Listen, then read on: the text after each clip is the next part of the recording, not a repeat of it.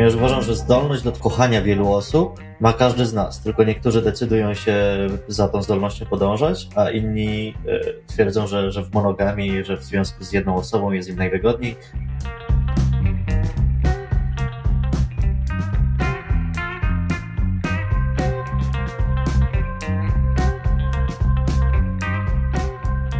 Witajcie w kolejnym odcinku naszego Niemono Podcastu. Witają się z Wami Paulina i Adam. I dzisiaj gościmy jeszcze Mateusza. Cześć. Dzisiaj prowadzimy wywiad przez internet, ponieważ Mateusz łączy się z nami z Argentyny. Opowie nam o swoich doświadczeniach związanych z życiem w związku etycznie niemonogamicznym, a tak konkretnie w związku poliamorycznym. Mateuszu, no to może od razu przechodząc do tematu, opowiedz, ile masz teraz relacji i jak to wygląda na ten moment. Na chwilę obecną jestem z dwoma osobami. Znajduję się w polikule. Nie jest to taka typowa triada, ponieważ jeden z moich partnerów ma dodatkowe relacje emocjonalne z osobami, z którymi ja bezpośrednio nie, nie jestem w żadnej więzi emocjonalnej. Mam tutaj wyrysowane, żeby to troszeczkę ułatwić e, do zrozumienia naszym widzom, jak to wygląda. Jest to coś takiego. Mieszkamy w trójkę, ale jeden z moich partnerów, Krzysiek, ma dwie dodatkowe osoby, z którymi jest w związku. Jedna jest na odległość. Takie osoby w świecie poliamerycznym nazywamy kometami, więc jeden ze związków jest kometą, a drugi jest na miejscu, ale nie mieszka wraz z nami. To się oczywiście zmienia wraz z czasem. Tych formacji było już przez, przez ostatnie lata bardzo wiele, e, ale ta triada, w której się znajduje, jest, jest takim najbardziej stałym elementem, takim trzonem naszej relacji. Wcześniej wyglądało to w bardzo różny sposób. Na przykład zaczynaliśmy od związku typu V, czyli związku, w którym jedna osoba e, znajduje się w relacji z więcej niż jednym partnerem, ale oni między sobą nie mają więzi emocjonalnej. Zaczynałem od mhm. związku z dwoma partnerami. Później przez dwa lata byłem również w dwóch triadach, mieszkając pomiędzy dwoma domami, więc wyglądało to mniej więcej tak. Na kanwie historii nam to przedstaw, jeśli to możliwe, opowiadając o tym, jak w ogóle wszedłeś w takie w taki typ relacji. Okej, okay. możemy zacząć od początku i od tego, jak, jak zacząłem. E, zacząłem od związku typowo monogamicznego. Przez siedem pierwszych lat mojej relacji z Krzyśkiem, który jest moim mężem na chwilę obecną, byliśmy typowymi monogamistami, związek był zamknięty i emocjonalnie, i seksualnie. I w zasadzie w pewnym momencie, nawet nie wiedząc czym ta poliamoria jest, zdecydowaliśmy, że, że chcielibyśmy otworzyć naszą relację na dodatkową osobę. Nie wiem właściwie, kto to zaproponował pierwszy, ale wynikało to z tego, że, że byliśmy w bardzo dobrym momencie naszego życia. Był to rok, w którym e, zdecydowaliśmy, że weźmiemy ślub, było między nami doskonale, nadal jest.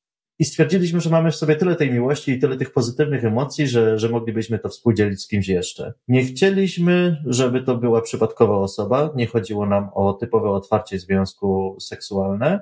Chcieliśmy, żeby to był ktoś szczególny. Teraz, już mając dodatkową wiedzę, nazwałbym taką osobę przyjacielem z korzyściami. E, zaczęliśmy mm. więc się spotykać z innymi, zaczęliśmy chodzić na randki wspólnie w trójkę mając nadzieję, że ktoś taki się znajdzie. Było to dość trudne pod tym względem, że, że zarówno ja, jak i Krzysiek jesteśmy osobami dość różnymi i jeżeli ktoś odpowiadał mi, to, to niekoniecznie odpowiadał jemu. Jeżeli odpowiadał jemu, to, to niezupełnie podobał się mnie, więc było nam ciężko kogoś znaleźć. I w zasadzie przez pierwsze pół roku nie byliśmy w stanie stworzyć żadnej takiej relacji przyjacielskiej z korzyściami z, z kimś innym. Od razu przychodzi mi pewne pytanie do głowy.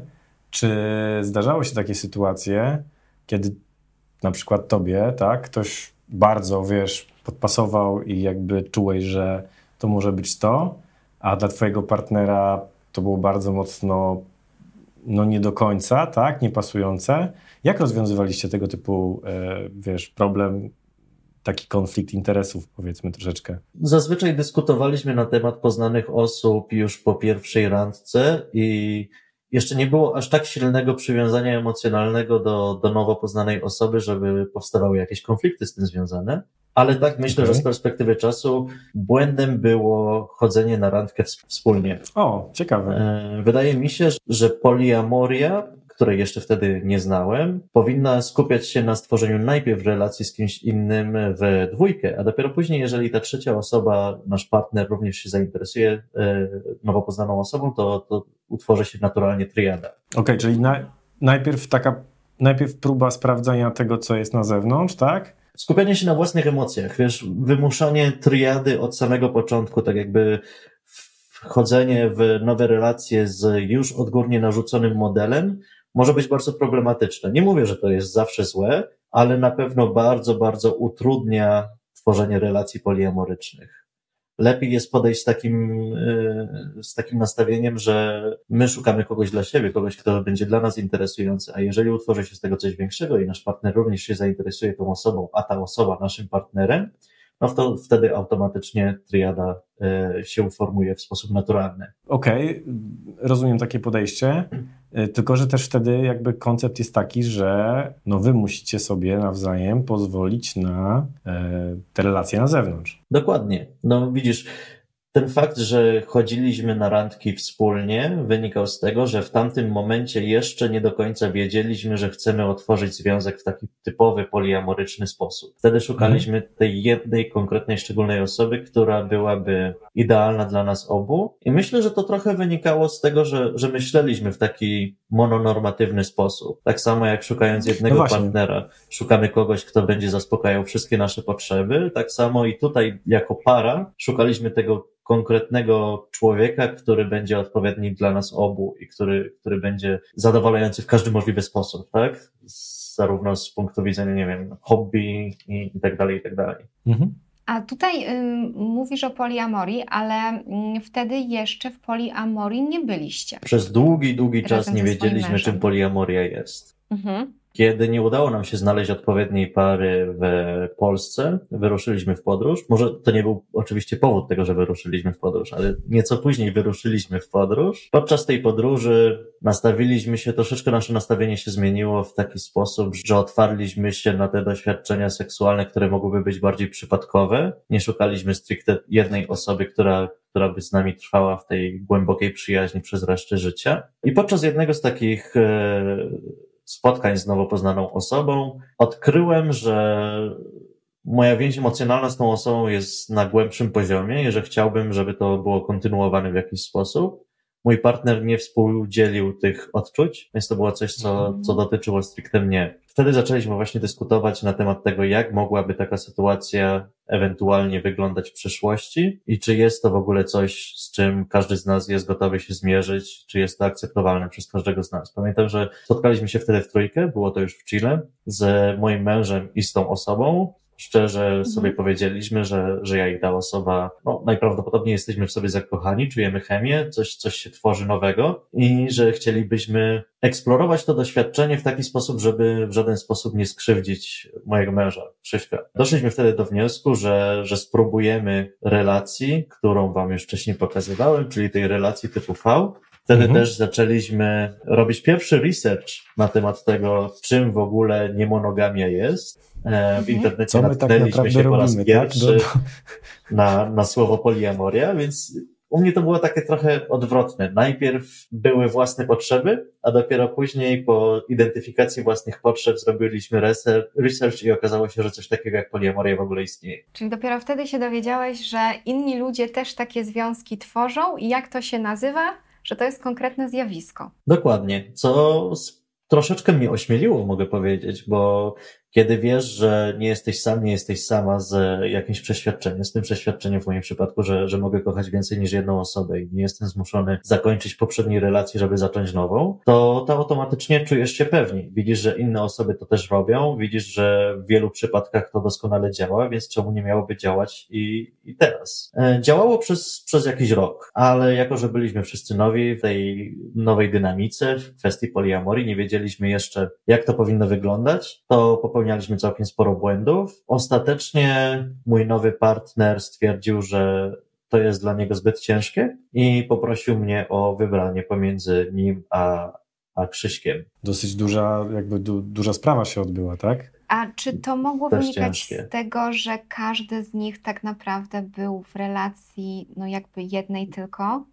Bo rozumiem, że oni byli tak jakby w relacji monogamicznej z tobą. Tak, na pewno jest to trudne. Z drugiej strony jest bardzo dużo związków typu V z dwoma lub więcej osobami, które doskonale działają, więc nie zawsze musi to być trudne. Myślę, że w przypadku takich relacji jest dużo łatwiej o stabilność, kiedy istnieje przynajmniej więź przyjaźni pomiędzy twoimi partnerami, kiedy oni się lubią albo tolerują Nie udało się utworzyć przyjaźni pomiędzy moimi dwoma partnerami, pomiędzy Krzyśkiem i, i nowo poznaną osobą z Chile, więc na pewno to przyczyniło się do tego, że, że związek z czasem się rozpadł, ale też tutaj wchodziły kwestie e, różnic kulturowych, to była osoba z Bliskiego Wschodu, dość konserwatywna w swoim nastawieniu do życia i tak dalej, więc tych czynników było bardzo dużo. Jakie to błędy popełniłaś w tej pierwszej relacji poliamorycznej, o których mówiłaś? Najważniejszym błędem, najgorszym błędem było oczekiwanie, że, że każdy z moich partnerów będzie doskonale rozumiał tą sytuację i nie wsłuchiwanie się tak bardzo w ich potrzeby jako indywiduum. Im więcej masz relacji z innymi, tym, tym trudniej jest je utrzymać. Moim zdaniem takie bardzo rozbudowane polikuły to, to jest ogromne wyzwanie, ponieważ każdy z twoich partnerów wymaga odpowiedniej ilości atencji, trzeba uwzględnić jego potrzeby, trzeba, a przynajmniej powinno się pomóc w zmierzeniu się z ich strachem albo z ich e, poczuciem zagrożenia, zazdrością itd., tak itd. Tak Tutaj na samym początku wydawało mi się, że skoro przystaliśmy na pewne zasady na, na wstępie, podczas tej pierwszej rozmowy, to wszelkie inne kłopoty, które powstają w międzyczasie, to już jest problem moich partnerów. Także Sorry, kot nam tutaj prycha i obciera się o Adama teraz. Ciężko mi zachować powagę w tej sytuacji. Coś jeszcze chciałbyś dodać do tego? Ja myślę, że, że najważniejszym jest dbanie o, o komunikację. To, to jest coś, co pojawia się we wszystkich podręcznikach, książkach, we wszystkich artykułach i, i może się wydawać dość banalne, ale faktycznie duży nacisk na komunikację to jest recepta na sukces w związkach poliamorycznych. To już zdarzyło nam się chyba gdzieś to wspomnieć przy wcześniejszych odcinkach, że w sumie e, okazuje się, że komunikacja jest kluczowa w sumie we wszystkich związkach i zawsze jest, jest odpowiedzią na, na, a przynajmniej w dużej mierze potrafi być odpowiedzią na większość e, problemów, jakie można napotkać w relacjach. I to niekoniecznie tak. tych spod znaku nie monogami, tylko każdej. po prostu w każdych relacjach. No i tutaj też, jak się okazuje, wsłuchanie się w potrzeby, które też powinny być jasno zakomunikowane i w procesie komunikacji usłyszane. Dokładnie. Więc to się łączy. Co czasami nie jest proste. Tak. No nie jest. Odpowiednia komunikacja myślę, że jest potrzebna nie tylko w każdej relacji emocjonalnej, romantycznej, ale i też w każdej relacji per se, czyli z przyjaciółmi, z rodziną i tak mhm. dalej, prawda? Mnie, mnie to tak ciekawi, bo ty byłeś y, w związku y, poliamorycznym, miałeś dwóch partnerów, a twój mąż nie szukał wtedy kogoś, jakiejś dodatkowej relacji dla siebie? W tamtym momencie nie szukał. Nie odczuwał takiej potrzeby, by być z większą ilością osób i to też jest okej. Na chwilę obecną, jak wam pokazywałem e, tą moją rozpiskę z rodziną, jesteśmy w związku z Willim od pięciu lat, który od samego początku aż po dziś dzień nie miał potrzeby tworzenia nowych relacji. On się czuje doskonale z naszą dwójką i wprawdzie nie przeszkadza mu to, że, że ja bądź Krzysiek czasami chodzimy na randki, czasami się spotykamy z innymi osobami lub tworzymy te, te relacje, e, on jest pełnie usatysfakcjonowany z tym, żeby to wyglądało w taki sposób, jaki to wygląda. Też poliamoria to nie jest przymus bycia wiecznie otwartym na, na nowe relacje romantyczne. No jasne. E, to może nam opowiesz, jak ta obecna polikuła się rozwijała? Jak poznaliście tego Willego? Jak to wszystko po kolei wyglądało? Poznaliśmy zupełnie przez przypadek. Pamiętam, że zdecydowaliśmy wtedy, że wyruszymy w dalszą podróż, ponieważ podróżowaliśmy po Ameryce Południowej, zwiedzaliśmy wszystkie kraje. Ale jako, że przypadały akurat jakieś święta i większość autobusów nie, nie działała, nie było połączeń, postanowiliśmy, że zatrzymamy się na parę dni w pobliskim hostelu, przeczekamy święta i dopiero później wyruszymy gdzieś na południe Chile. W tym hotel, hostelu, w którym się zatrzymaliśmy, Willy był akurat wolontariuszem. Zatrzymał się tam dość niedawno, kilka miesięcy przed nami przyjechał z Wenezueli, z której uciekał ze względu na trudną sytuację polityczną i ekonomiczną. Na początku, kiedy się spotkałem z Willym, e, ta, ta taka więź emocjonalna wytwarzała się tylko pomiędzy nami. Wychodziliśmy na jakieś randki, zaczęliśmy dyskutować, e, zwiedzać miasto wspólnie. Kilkakrotnie decydowaliśmy się na opóźnienie naszego wyjazdu po to, żebyśmy, żebym mógł spędzić więcej czasu z Willim. Później Willy poznał również mojego partnera i okazało się, że między nimi również bardzo szybko zaiskrzyło. To była kwestia dosłownie tygodni, kiedy, kiedy między nimi coś się działo. Teraz, kiedy rozmawiamy z Willim po tych pięciu latach, dowiadujemy się, że kiedy zaczynaliśmy tworzyć związek, zaczynaliśmy rozmawiać o tym, żeby wchodzić w jakąś relację, on nie do końca wierzył w to, że to będzie trwało dłużej. On uważał, że byliśmy takimi typowymi Europejczykami, którzy poszukują wakacyjnej przygody, przyjechali tutaj na kilka dni, spędzimy kilka wspólnych, miłych e, dni i, i później sobie gdzieś wyjedziemy. A ty mu mówiłaś, że masz już doświadczenie. Tak, wspominałem o poliamorii. Mhm. On jeszcze wtedy nie wiedział, czym ta poliamoria jest, tak samo jak i my na samym początku, ale szybko zrobił ten sam research, który my zrobiliśmy parę lat wcześniej przy, przy mojej relacji z Mu i, i stwierdził, że czemu nie. Jest to o tyle ciekawe, że, że Willy również pochodzi z rodziny dość konserwatywnej. Jego mama jest pastorką protestanckiego kościoła. Z założenia poliamoria nie była czymś, czym interesował się wcześniej, ale okazało się, że, że jest na to otwarty i że działa to całkiem dobrze. Po pierwszym miesiącu spędzonym w hostelu już budżetowo nie wytrzymywaliśmy takiego obciążenia, musieliśmy znaleźć Mhm. jakiś e, wolontariat w okolicy. Zatrzymaliśmy się na wolontariacie przez kolejne 2-3 miesiące i po tych trzech miesiącach już wspólnie, trójkę, zaczęliśmy się rozglądać za jakimś mieszkaniem, które moglibyśmy wynająć, zatrzymaliśmy się tam na dłużej. Więc wszystko było bardzo szybkie, bardzo dynamiczne.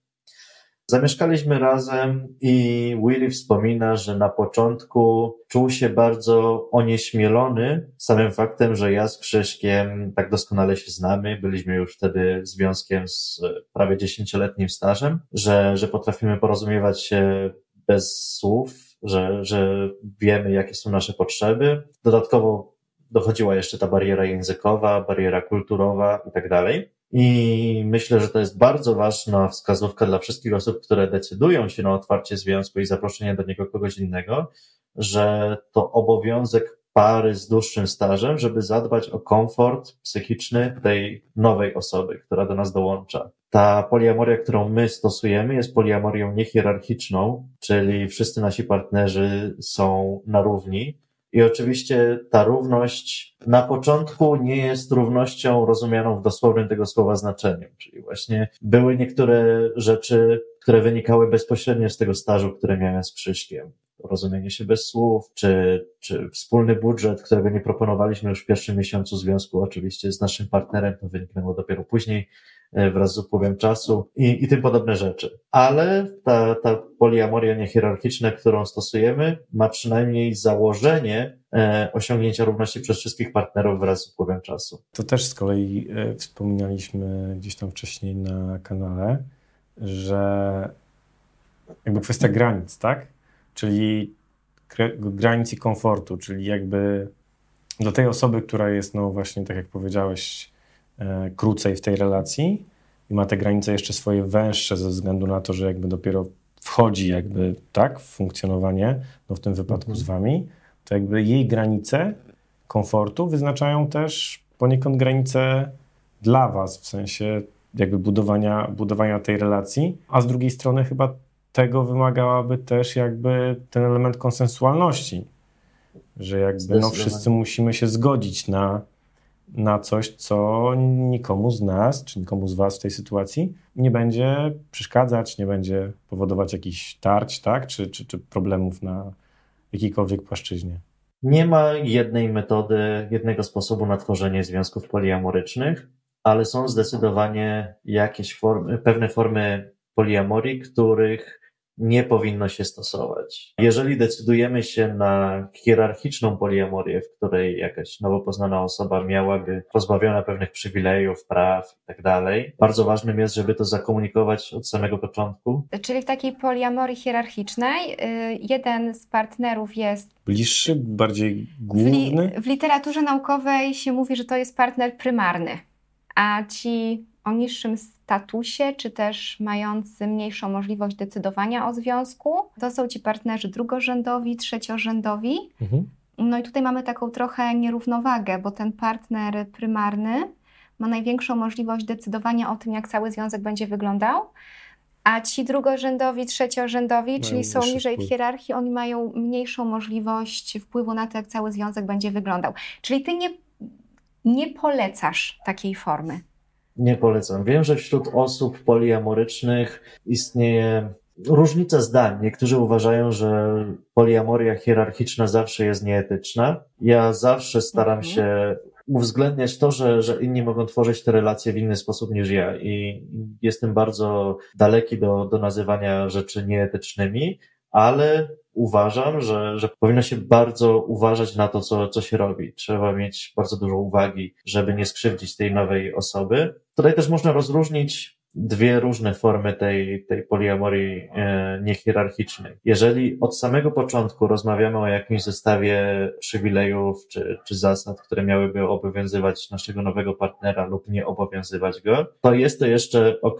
Poznajemy nową osobę, mówimy jej odgórnie, że ja mieszkam ze swoim partnerem, ale nie chcemy, żebyś nigdy z nami zamieszkał, możemy tworzyć relacje, ale nie będziemy współdzielić wspólnie domostwa. Nigdy nie zostaniesz ten nesting partner. Mam dziecko i uważam, że prawo prawo do opieki, do wychowywania dziecka powinno być tylko pomiędzy nami dwoma, nie będziesz miał nigdy decyzyjności na temat tego, co z tym dzieckiem się będzie działo. To jest okej, okay, bo, bo od samego początku komunikujemy o tych nierównościach i osoba, którą poznajemy, mhm. przystaje na nie lub nie. No, no właśnie, no dokładnie. Od samego czyli, początku wie, w co wchodzi. Czyli no, po prostu możliwy jest ten element konsensualny, tak? Etyczny. Dokładnie. Od razu wie, na co się pisze i jest w stanie stwierdzić, mhm. czy to jej pasuje, czy nie. Tak jest. Problem polega, kiedy para pierwszorzędnych partnerów stosuje coś, co się nazywa couples privilege, czyli przywilej pary i zmienia zasady, narzucając je bezpośrednio, bez żadnej dyskusji tej osobie trzeciej już w trakcie trwania związku.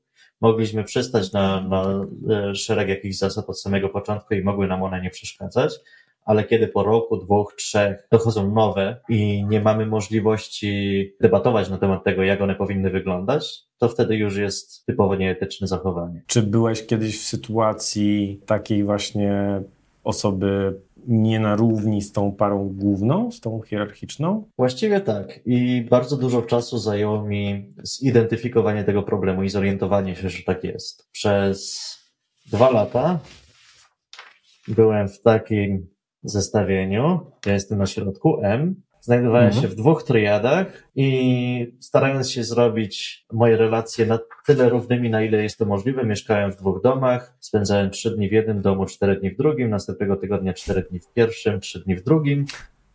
Czyli taka pod, duża potrzeba e, jakby symetryczności chyba. Zdecydowanie, jest zdecydowanie. to wyzwanie logistyczne i czasowe. Bardzo Na dobrze, że, że przynajmniej były to pary i że były to dwa domy, a nie cztery różne domy i, i dobrze, że, że nie mieszkali oni tak daleko. Para, z którą się spotkałem, również nie była na początku poliamoryczna, z którymi zacząłem tworzyć związek, nie była na początku poliamoryczna, bo też jest mało takich poliamorystów z doświadczeniem. Poliamoria jako to zjawisko nowoczesne jest dość świeże dość nowe, zostało pierwszy raz opisane w latach wczesnych 90., więc, więc nie ma jeszcze tak dużo osób poliamorycznych. Wyniknęło to zupełnie przypadkowo od takiego, e, od takiej relacji bardziej przyjacielskiej wraz z czasem, która ewoluowała w, w tą kwestię relacji romantycznej.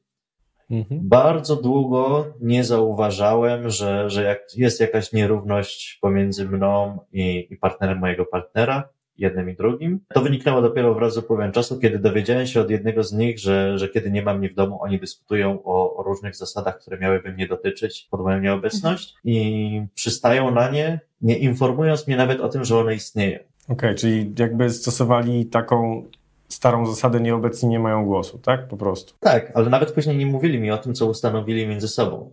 To było na tyle problematyczne, że, że ustalali między sobą na przykład, że, że powinienem spędzać równą ilość czasu z jednym z nich, jak i z drugim. Kiedy więc zapraszałem jednego z nich na kawę po raz drugi czy trzeci z rzędu, dostawałem odmowę bez wytłumaczenia dlaczego. Oni między sobą wiedzieli, że to dlatego, że nie byłem na tej kawie z kimś innym. To samo dotyczyło ilości stosunków seksualnych, które powinienem mieć równo, porówno między innymi.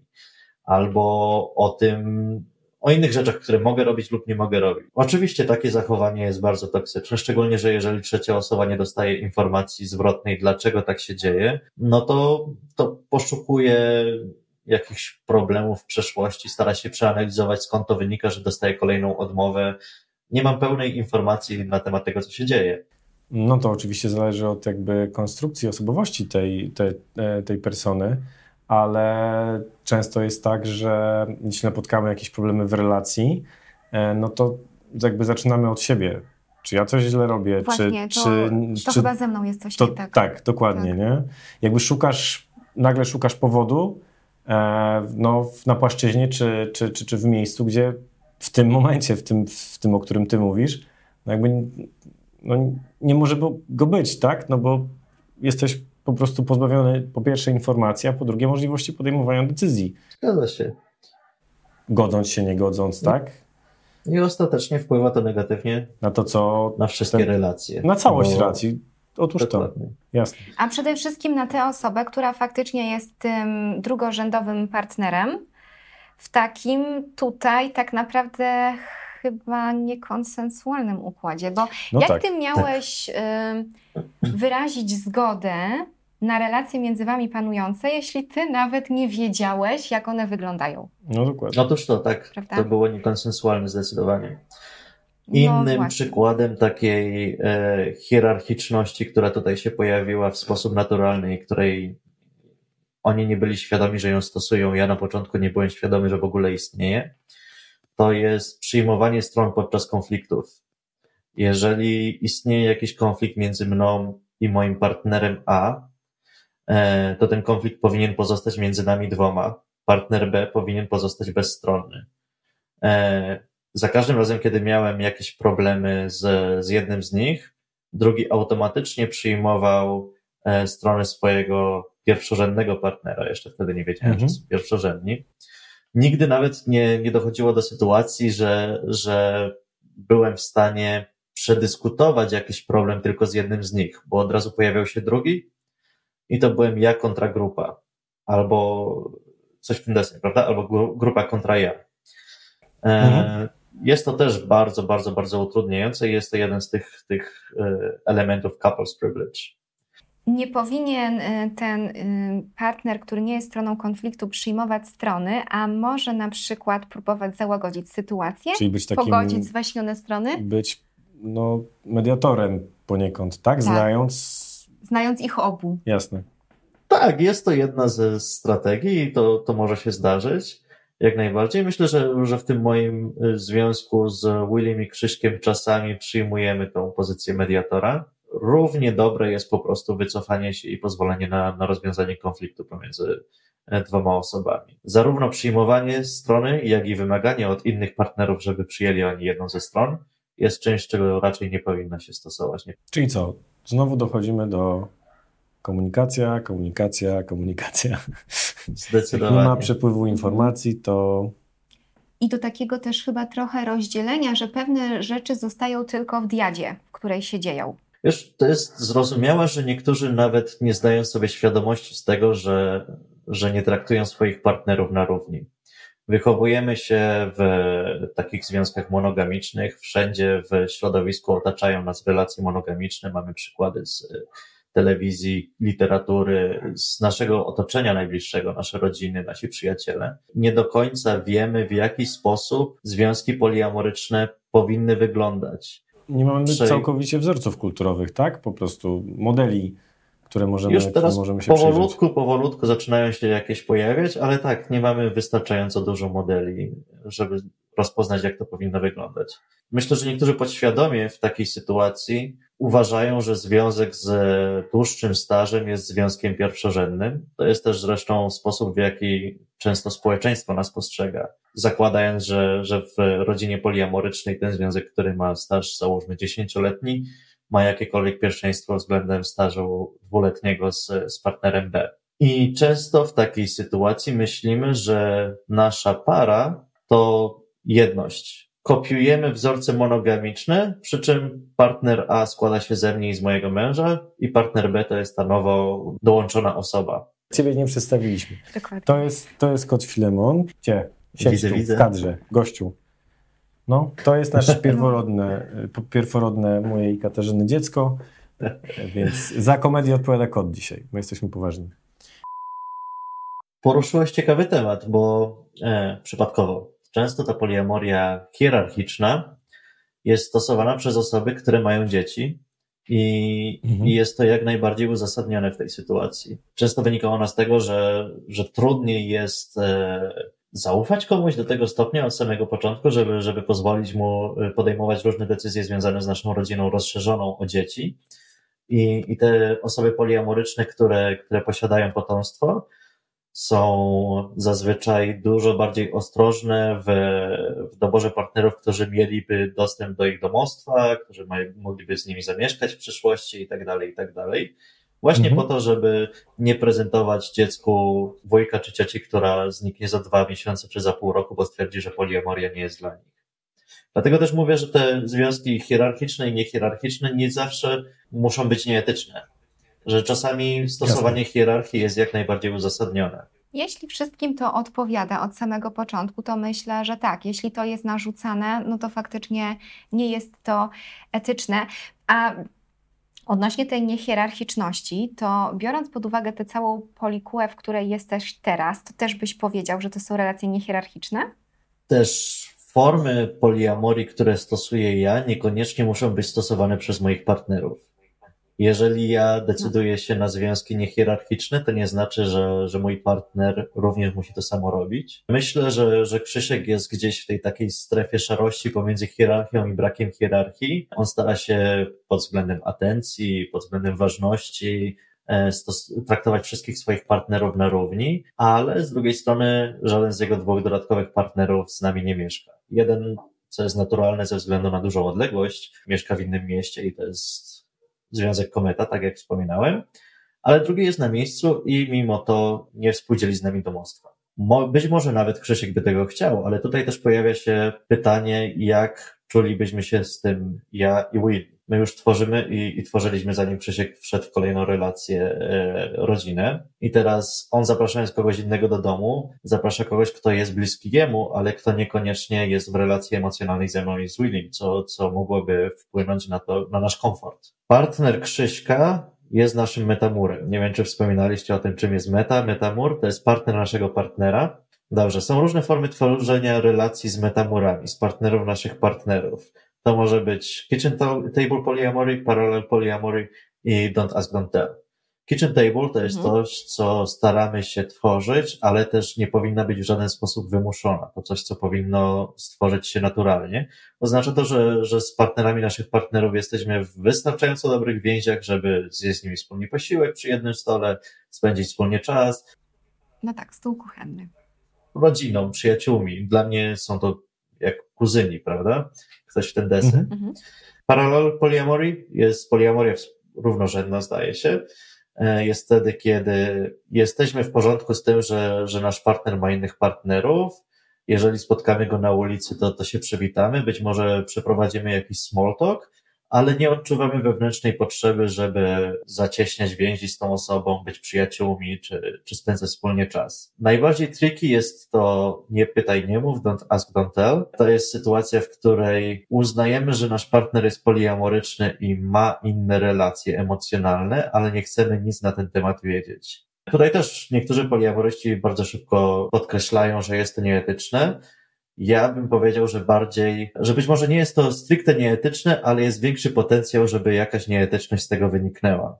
Dlaczego? Dlatego, że jeżeli ktoś, z kim się e, spotykamy na randce, nam mówi, że jest poliamorystą, jest w związku małżeńskim na przykład i pokazuje nam obrączkę, ale równocześnie podkreśla, że jest w tej relacji don't ask, don't tell, to nie mamy za bardzo jak zweryfikować, czy to jest prawda, bo, bo jego partner czy partnerka nie chcą się z nami w żaden sposób skontaktować, czy, czy uznać, że, że istniejemy, więc nie możemy mieć do końca pewności, czy aby na pewno jest to etyczna poliamoria, czy też po prostu nie jesteśmy kochankiem, kochanką, kimś, z kim nas e, zdradza ta osoba. Rozumiem, że taka sytuacja, no, może to nie, nie do końca teraz dotyczy ciebie w tych relacjach, w jakich jesteś, ale sytuacja jakby bycia właśnie kochankiem dla kogoś, tylko i wyłącznie, jest dla ciebie całkowicie nieetyczna? Jeżeli byśmy na to przystali od początku i wiedzieli, że tak jest, to, to niekoniecznie, myślę. Nie wiem. To, to jest bardzo trudne pytanie. Tak, oczywiście zdrada per se jest nieetyczna, ale czy odpowiedzialność za zdradę ponosi zdradzający, czy osoba, z którą, którą, z którą zdradza? To już jest y, głębszy temat nie wiem. Nie wiem. Ale na pewno nie jest to poliamoria w takiej sytuacji. Na pewno. No na pewno. To... Na pewno zdecydowanie. E, Mateusz, ja myślę, że y, sporo rad tutaj dajesz takich mm, dosyć znaczących. Coś jeszcze takiego osobie, która na przykład zaczyna dopiero poliamorię albo zastanawia się nad tym, czy to jest ścieżka dla niej. Czy coś jeszcze chciałbyś takiej osobie doradzić? najpierw zrobić research, a dopiero później otworzyć swój związek. No, połowicznie to zrobiłem, połowicznie nie. Ja robiłem te rzeczy symultanicznie, ale znacznie lepiej jest się przygotować wcześniej, poczytać, czy, czy porozmawiać z osobami, które już w takich związkach są, zanim zdecydujemy się na otwarcie relacji. Po drugie, tutaj też jest bardzo ważny czynnik, w jaki sposób rozmawiać z naszym partnerem, jeżeli chcemy otworzyć związek. I myślę, że, że bardzo ważną radą jest, by zrobić to w sposób możliwie cierpliwy, delikatny, z uwzględnieniem, że drugiej osobie może to nie odpowiadać i nie ma wcale obowiązku, żeby jej to odpowiadało, bo wchodząc z nami w relację zgadzała się na zupełnie inne e, zasady i funkcjonowania. Będzie potrzeba dużo cierpliwości, być może to jest coś, co, co będzie analizowane i dyskutowane przez kilka miesięcy, czy nawet przez kilka lat. No a jeżeli odpowiedź będzie ostatecznie odmowna, no to wtedy musimy się rzeczywiście zastanowić, czy nasza potrzeba bycia poliamoryczną osobą jest ważniejsza od tej relacji, którą już mamy. Czy wolimy utrzymać związek, w którym się znajdujemy, w takiej formie, w jakiej jest, czy ważniejsza jest dla nas e, wielomiłość i, i decydujemy się na zakończenie związku z osobą, która nie jest na nią otwarta. Wydaje mi się, że tutaj mamy może tyle problem, ale przecież czy to nie jest tak, że o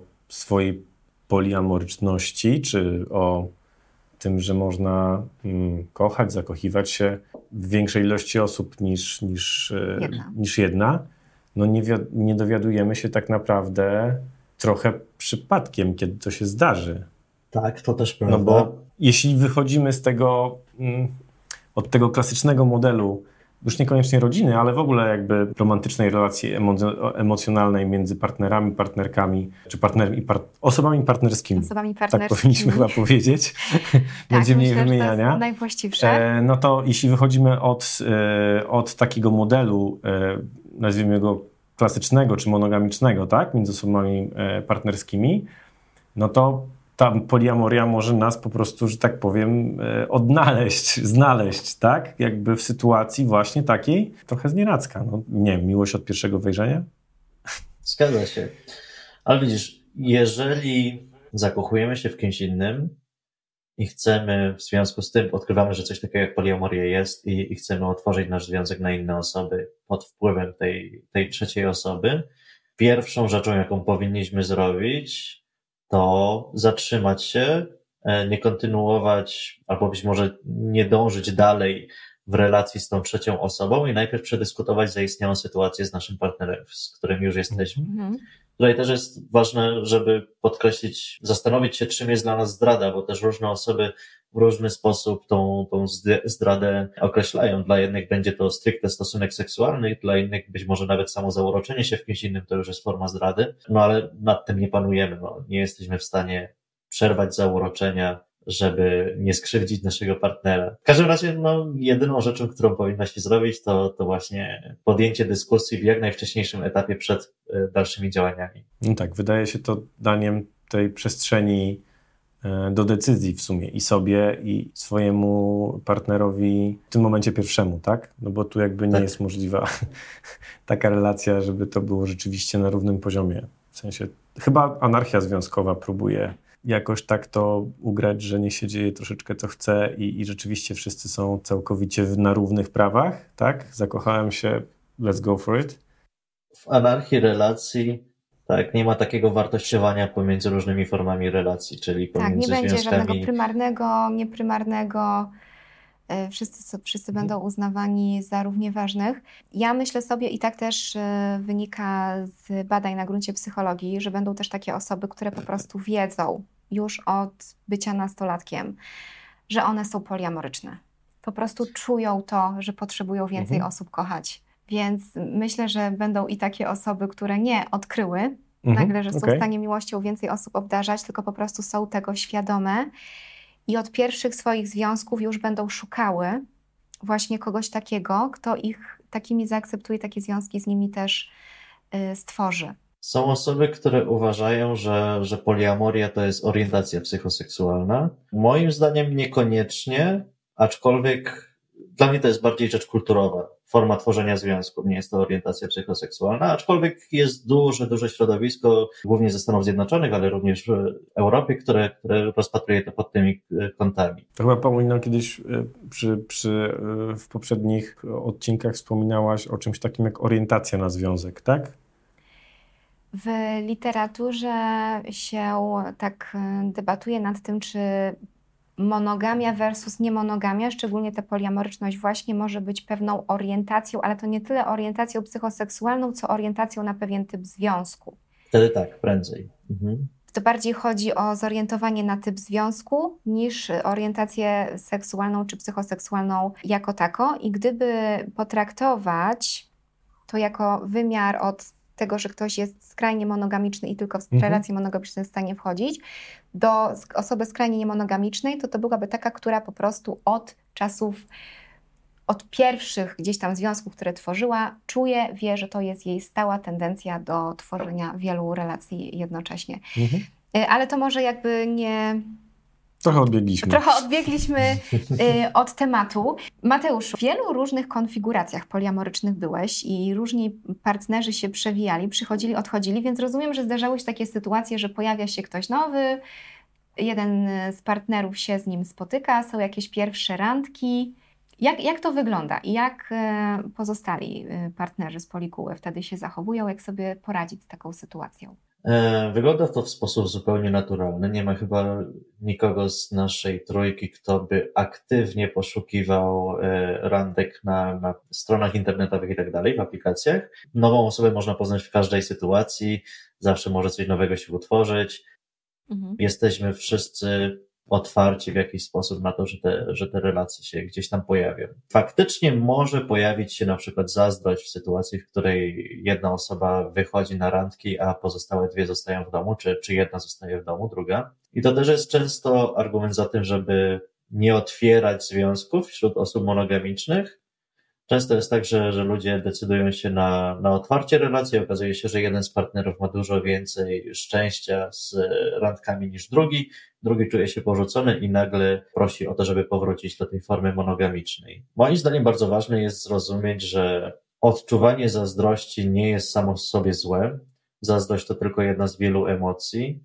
E, złym jest bycie posesji, posesywnym, kiedy działamy pod wpływem tej zazdrości w taki sposób, żeby nie, zaszkodzić naszemu partnerowi dla naszego własnego dobra. Ograniczamy mu wyjście z domu czy coś w ten deseń. Sama zazdrość może być przezwyciężona na wiele sposobów, a nawet jeżeli zupełnie nic z nią nie robimy, to to jest emocja, która trwa przez krótki okres. Jeżeli nie będziemy jej karmili jakimiś zachowaniami, e, to, to ona się wyciszy wraz z upływem czasu. Ale jest wiele takich metod, które można stosować i które stosowaliśmy na samym początku naszej relacji dość powszechnie, czyli na przykład za każdym razem, kiedy wracaliśmy z randki z nowo poznaną osobą, to, to spędzaliśmy taki jakościowy czas z naszym partnerem, czyli później na przykład wychodziliśmy na randkę z nim, albo graliśmy w naszą ulubioną grę planszową, bądź cokolwiek w ten sposób, e, cokolwiek podobnego. Dzięki temu nasz partner czuł, że nie jest zastępowany przez kogoś innego, mhm. a, a że jest równie ważny dla nas, że, że to, że mhm. poznajemy kogoś z zewnątrz, nie nie oznacza, że, że nasza relacja w domu jest w jakiś sposób wybrakowana, niedoskonała, że, że czegoś nam brakuje. No to jest ciekawa strategia. Wydaje mi się, że jest sensowna w każdej relacji, tak? Niekoniecznie w relacjach e, niemonogamicznych, tylko chociażby, no nie wiem, moja żona zostaje w domu, ja wychodzę z kolegami pograć w lotki, tak? Piwo, ona spędza jakoś czas, czas sama. Fajnie byłoby, jakbyśmy następnego dnia jeśli mamy taką możliwość, obejrzeli ulubiony serial, poświęcili sobie trochę czasu. Zdecydowanie. Myślę, że tak. To w ogóle jest świetna rada dla, e, dla, dla wszystkich relacji chyba. Czy, czy, czy, czy małżeńskich, monogamicznych, niemonogamicznych, czy wśród przyjaciół. Ktoś odsunięty na jakiś no, czas od grupy też może się od, poczuć przecież odsunięty. No. no. Otóż to. Świetna rada. Tak. Myślę, że warta do zaszczepienia w, w większości typach relacji. W różnych, e, w różnych relacjach. Mateuszu, a gdybyś mógł jeszcze, bo masz e, doświadczenie tutaj w wielu już tych związkach poliamorycznych, gdybyś mógł na podstawie swojego doświadczenia powiedzieć, jakie są korzyści, nie, znaczy nie wiem, czy słowo korzyści jest tutaj odpowiednie, mhm. i wyzwania, które poliamoria stawia. Korzyści, może faktycznie korzyści to jest dobre słowo. Coś, coś co poliamoria pozytywnego wniosła do Twojego życia. O, mhm. i wyzwania, z którymi się wiąże. Mimo, że poliamoria nie jest w żaden sposób lepsza od, od monogami, to uważam, no tak. że, że jest związana z dużo większą ilością tych pozytywnych bodźców. Tą całą miłość, to, to całe zaopiekowanie się nami, które możemy otrzymać ze związku monogamicznego, mnożymy przez liczbę naszych partnerów i otrzymujemy znacznie większą ilość tych wszystkich pozytywnych wrażeń, pozytywnych emocji. Mhm. To na pewno jest bardzo, bardzo istotne. Poza tym sam fakt możliwości doświadczenia tych motyli w brzuchu, New Relationship Emotions, czyli tej pierwszej fazy miłości po raz kolejny i kolejny, też jest dla mnie dość znaczący, bo, bo miłość rozróżniam na takie dwie fazy. Tą pierwszą, która jest stricte taka chemiczna i, i ma się dużo więcej energii i myśli się tylko o jednej osobie i pisze się poematy na jej temat. I później to taka miłość bardziej dojrzała, kiedy już znamy się doskonale, jesteśmy swoimi najbliższymi przyjaciółmi, która też ma bardzo wiele korzyści, ale jest bardziej spokojna, bo, bo gdybyśmy przez cały czas żyli na tej pierwszej fazie, to nasze organizmy by tego nie wytrzymały. No chyba tak. Tak, to by była za duża euforia, to by było zupełnie nieprzystosowawcze. To chyba już nawet taki element yy, no manii po prostu wejść w grę, tak? Wiesz co, no to y, neurobiolodzy udowodnili, że w fazie zakochania to jest ta pierwsza faza, o której mówisz, takiego zauroczenia, skupie, znaczy nie tyle zauroczenia, co fa fascynacja, skupienie się na tej osobie, no. taka idealizacja jej. Nie śpimy, chodzimy cali w skowronkach i myślimy o niej tylko. Tak. Że faktycznie chemia mózgu się wtedy mm, zmienia na tyle, że no, gdybyśmy w takim stanie pozostali, to ciężko by nam się było skupić na czymkolwiek mhm. innym, więc to musi minąć. Musi minąć i Dokładnie. zostaje miłość później taka bardziej e, spokojna. Ale widzisz, w tej monogami takiej typowej, która nie zakłada, że będziemy się rozwodzili, tylko że zostaniemy z jedną osobą do końca życia, tak jakby mamy możliwość doświadczenia tych emocji tylko raz. No tak. A w poliamorii no, no tak. możemy ich doświadczać znacznie częściej. To znaczy, może nie do końca tylko raz, ale no, mogą być one niepożądane albo elementem mm, jakby do, do, do, do, do rozpadu tego związku. Czy z tą jedną osobą, z którą tworzysz monogamię, to po prostu zakochasz się aż tak intensywnie jak na początku, tylko raz. No tak. tak to chodzi tak, o to, okay. że w monogamicznym związku. Yy, nie no, ja całkowicie, raz, roz, raz tylko. całkowicie rozumiem, A jak co się chodzi. ponownie ale... pojawi, to pewnie już raczej, no tak, to to już jest pewnie strata. To zależy też, czym ona będzie. Myślę, że myślę, znaczy jestem sobie w stanie wyobrazić taką sytuację, kiedy mm, osoby partnerskie umawiają się na to, yy, albo akceptują to, ok, możesz się zauraczać, możesz przeżywać tą pierwszą fazę, mhm. tylko po prostu w to nie idź dalej. Tak? Nie, nie, nie, nie wiem. Tylko czy to byłaby, y, czy to byłaby jeszcze monogamia? No właśnie, tak się zastanawiam. Mm, ale jak to? Tak zauroczyć się i, i co? I... No i tyle, dać temu przeminąć, no. Aha, na, na, takiej zasadzie, czyli że ktoś po prostu na tyle jest otwarty, że nie potraktuje tego jako y, mhm. zdradę no, zakochuj się raz na jakiś czas, jak potrzebujesz, ale wiesz, no, po prostu nie idź w to, tak? Mhm. Tylko, że te emocje związane z NRE, one istnieją tylko wtedy, kiedy je podsycamy. Jeżeli wiesz od góry, że, że z tą nową osobą nie możesz kontynuować, to w tej, ta faza zauroczenia raczej zamieni ci się na cierpienie, że, że ta osoba, która jest tak mhm. tak fantastyczna, no, będzie musiała odejść bardzo szybko. To by była kolejna, kolejna z zalet. No i poza tym oczywiście są takie zalety bardzo praktyczne. Więcej osób, to, to większa stabilność finansowa e, przy dystrybucji obowiązków w domu, mniej do roboty przy zmywaniu naczyń i tak dalej, i tak dalej, przygotowaniu. No tak, no. no to są praktyczne korzyści po prostu. Tak. No, no tak. Tak, raczej nikt nie zmieni formy związku tylko i wyłącznie dlatego, żeby nie zmywać, ale ale są to jakieś korzyści. Ale jak już jest taki, to warto wspomnieć też i o y, takiej zalecie. No jasne. Otóż to. A przy wadach, czy może wyzwaniach prędzej niż wadach, to dość istotnym jest zwrócenie uwagi na to, że im więcej relacji mamy, tym więcej osób będzie potrzebowało naszej atencji, tym większym zasobem czasowym musimy dysponować, żeby żadna z tych osób nie poczuła się porzucona, żeby żadnej z tych osób nie skrzywdzić, żeby każda z nich otrzymała właśnie mhm. tyle nas, ile wymaga, więc na pewno jest tutaj jakieś takie wyzwanie związane z tymi zasobami czasowymi. Bardzo dużo osób poliamorycznych żartuje, że, że mają te Google Calendars, które później współdzielą pomiędzy sobą i że, że bez Google Calendars poliamorii stosować się nie da. Ja Google Calendars nie mam, ale, ale rzeczywiście ten e, zasób czasowy jest tutaj dość istotny. Trzeba też wiedzieć, kiedy Czyli... powiedzieć stop na takiej zasadzie, że, że być może się zakochamy znowuż. Do komunikacji dochodzi nam Logistyka, logistyka, logistyka. Zarządzanie tak, zasobami, tak. czasem, tak. uwagą, energią, tak, emocjami. Dokładnie. Tak. Jeszcze jakieś wyzwania widzisz? Myślę, że też od początku musimy nauczyć się lepiej komunikować na tej zasadzie, że w związku poliamorycznym, szczególnie jeżeli wcześniej w takich relacjach nie byliśmy i jeszcze nie do końca wiemy, jak to powinno wyglądać, tej komunikacji będzie potrzeba dużo więcej. Tak jak mhm. wspominaliśmy wcześniej, komunikacja w każdej relacji jest niezbędna, ale powstanie wiele problemów czy wyzwań, których nie znaliśmy z, z wcześniej, z naszego poprzedniego życia jako monogamiści i musimy umieć rozmawiać w umiejętny sposób na ich temat, z uwzględnieniem właśnie potrzeb drugiej osoby, z rozumieniem, że, że mogą oni potrzebować więcej czasu na, na przeanalizowanie niektórych rzeczy i tak dalej. W niektórych środowiskach Myślę tutaj szczególnie o Polsce bardziej niż o Argentynie. Wyzwaniem może też być percepcja ze strony społecznej. W jaki mhm. sposób nasze relacje y, są postrzegane przez środowisko, otoczenie, rodziny.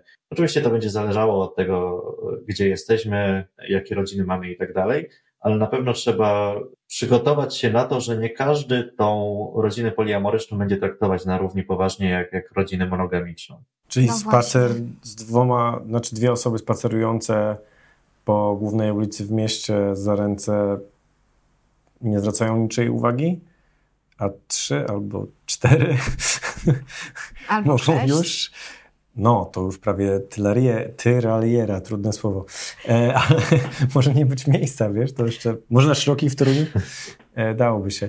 No właśnie, mm, wspomniałeś o tym odbiorze z zewnątrz, e, takiej konstrukcji.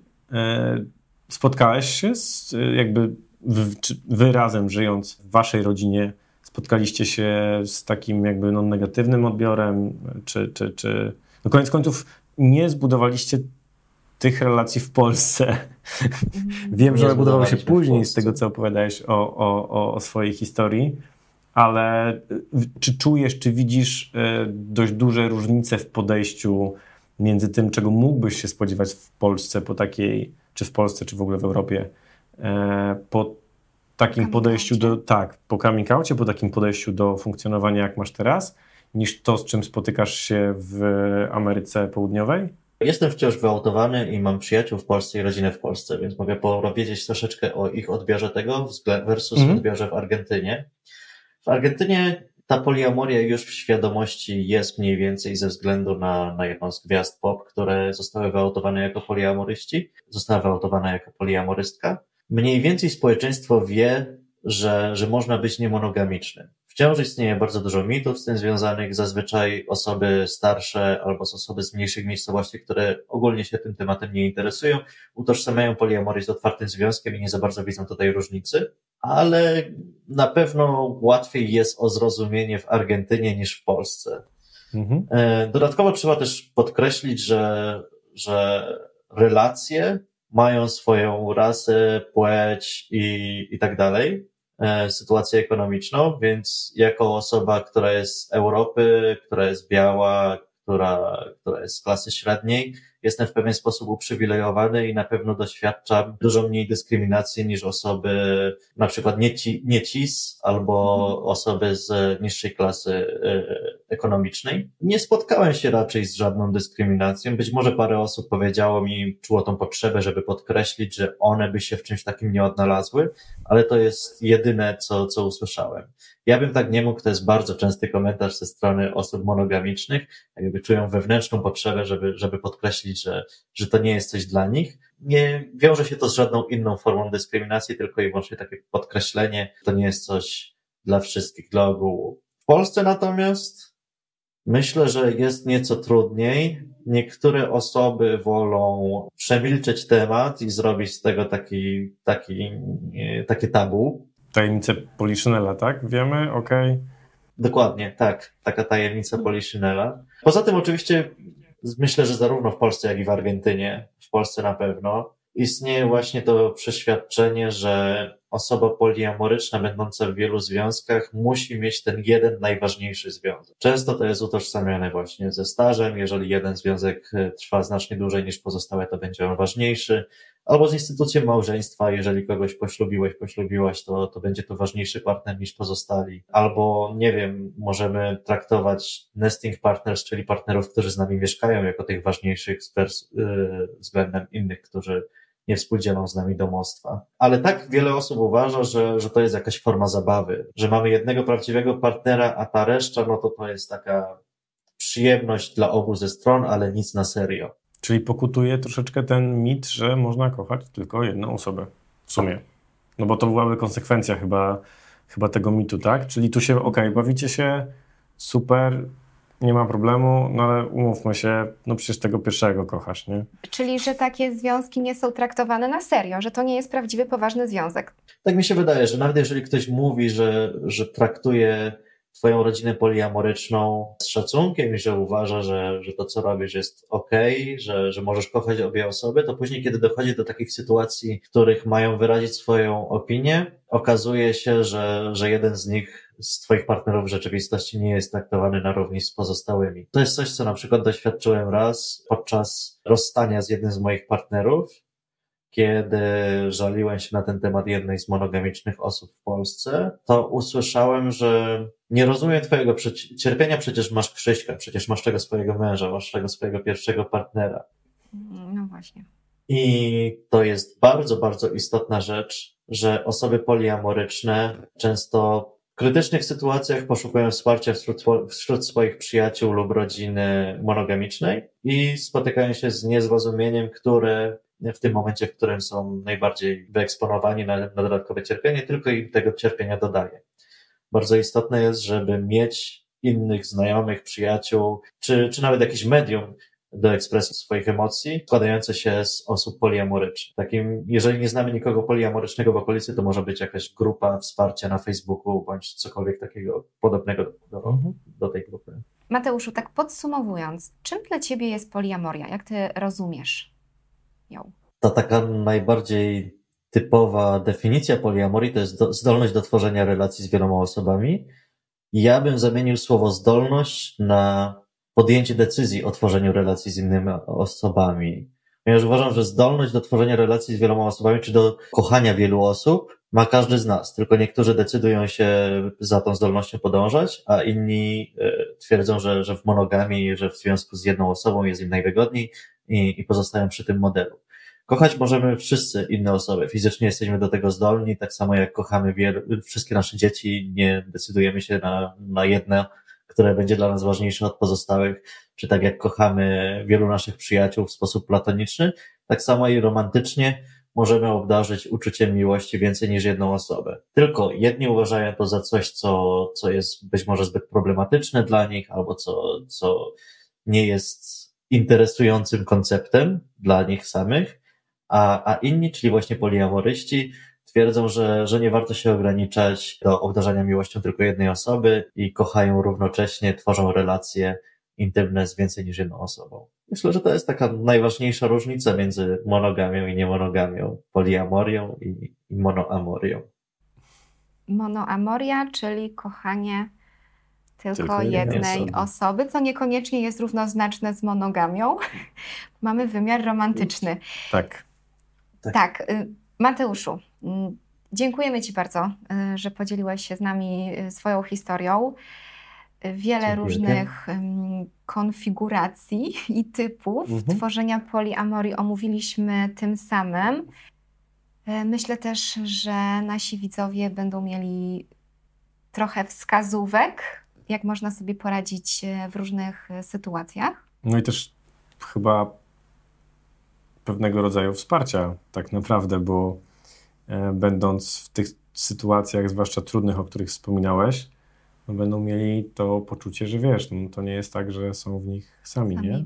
Tak, tylko że Tylko ktoś przez to przeszedł, a jeszcze przy okazji yy, chyba dałaś nam troszeczkę wskazówek, w jaką drogę można pójść, żeby ominąć te, albo żeby poradzić sobie z tymi kłopotami, które gdzieś tam w budowaniu tego typu relacji się spotyka. Zarówno wiedza jest skarbem, jak i sama widoczność osób niemonogamicznych. Tak jak i ja na samym początku, odkrywając przy researchu, że, że są inne osoby, które czują w ten sam sposób, poczułem wiatr we skrzy- w skrzydłach, tak samo i być może ktoś poczuje się lepiej widząc, że, że są osoby poliamoryczne, które praktykują tą formę relacji. Mateuszu, ale wiemy, że ten Twój research nie ograniczał się tylko do sprawdzenia, czym jest poliamoria i co ja tu w zasadzie czuję, tylko prowadzisz też y, badania, wywiady wśród osób poliamorycznych, tak? To się zgadza, tak. Jest to rzecz stosunkowo niedawna. To chyba brzmi jak temat na następny odcinek. Oczywiście, że tak. Oczywiście, że tak. My z Mateuszem e, spotkamy się jeszcze na omówienie jego badań, które prowadzi w Ameryce Południowej odnośnie właśnie związków etycznie niemonogamicznych, także będziemy mieli możliwość spojrzenia z trochę innego miejsca świata, z trochę innej perspektywy kulturowej, więc e, w zależności od tego, kiedy oglądacie ten odcinek, jeśli ten odcinek już jest na kanale, to gdzieś Wam tutaj się pojawi link. Jeśli jeszcze go nie ma, no to zasubskrybujcie kanał, kliknijcie dzwoneczek, żeby nie opuścić tego odcinka i wszystkich innych. Jeszcze wróćmy na, na chwilę do, do, do Mateusza. Czy chciałbyś jeszcze po prostu powiedzieć coś wprost, tak naszym widzom? Było tego już bardzo dużo. Myślę, że, że mogę jeszcze tylko i wyłącznie podsumować, podkreślając, że nie ma jednej formy poliamorii i czegokolwiek nie poszukujecie w swoim związku. Jeżeli jest to konsensualne i wszyscy inni się na to zgadzają, jest ok.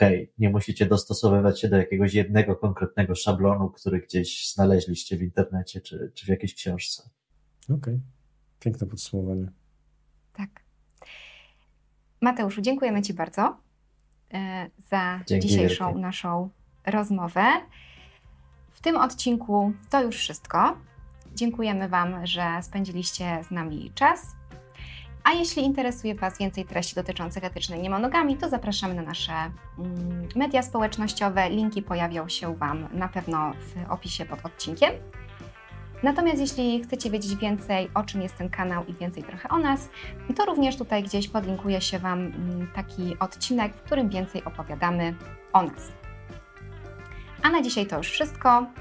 Żegnamy się z Wami Paulina Adam, i nasz gość. I Mateusz. Mateuszu, do zobaczenia w następnym odcinku. No to pytam, żeby No to ci konsensualnie przecież, no. powiedzieć.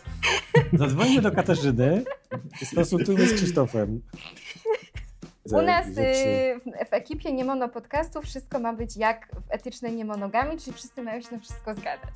Co Pięknie. też rodzi czasami pewne Oj, no. Spowalnia nie. cały proces, ale pięknie.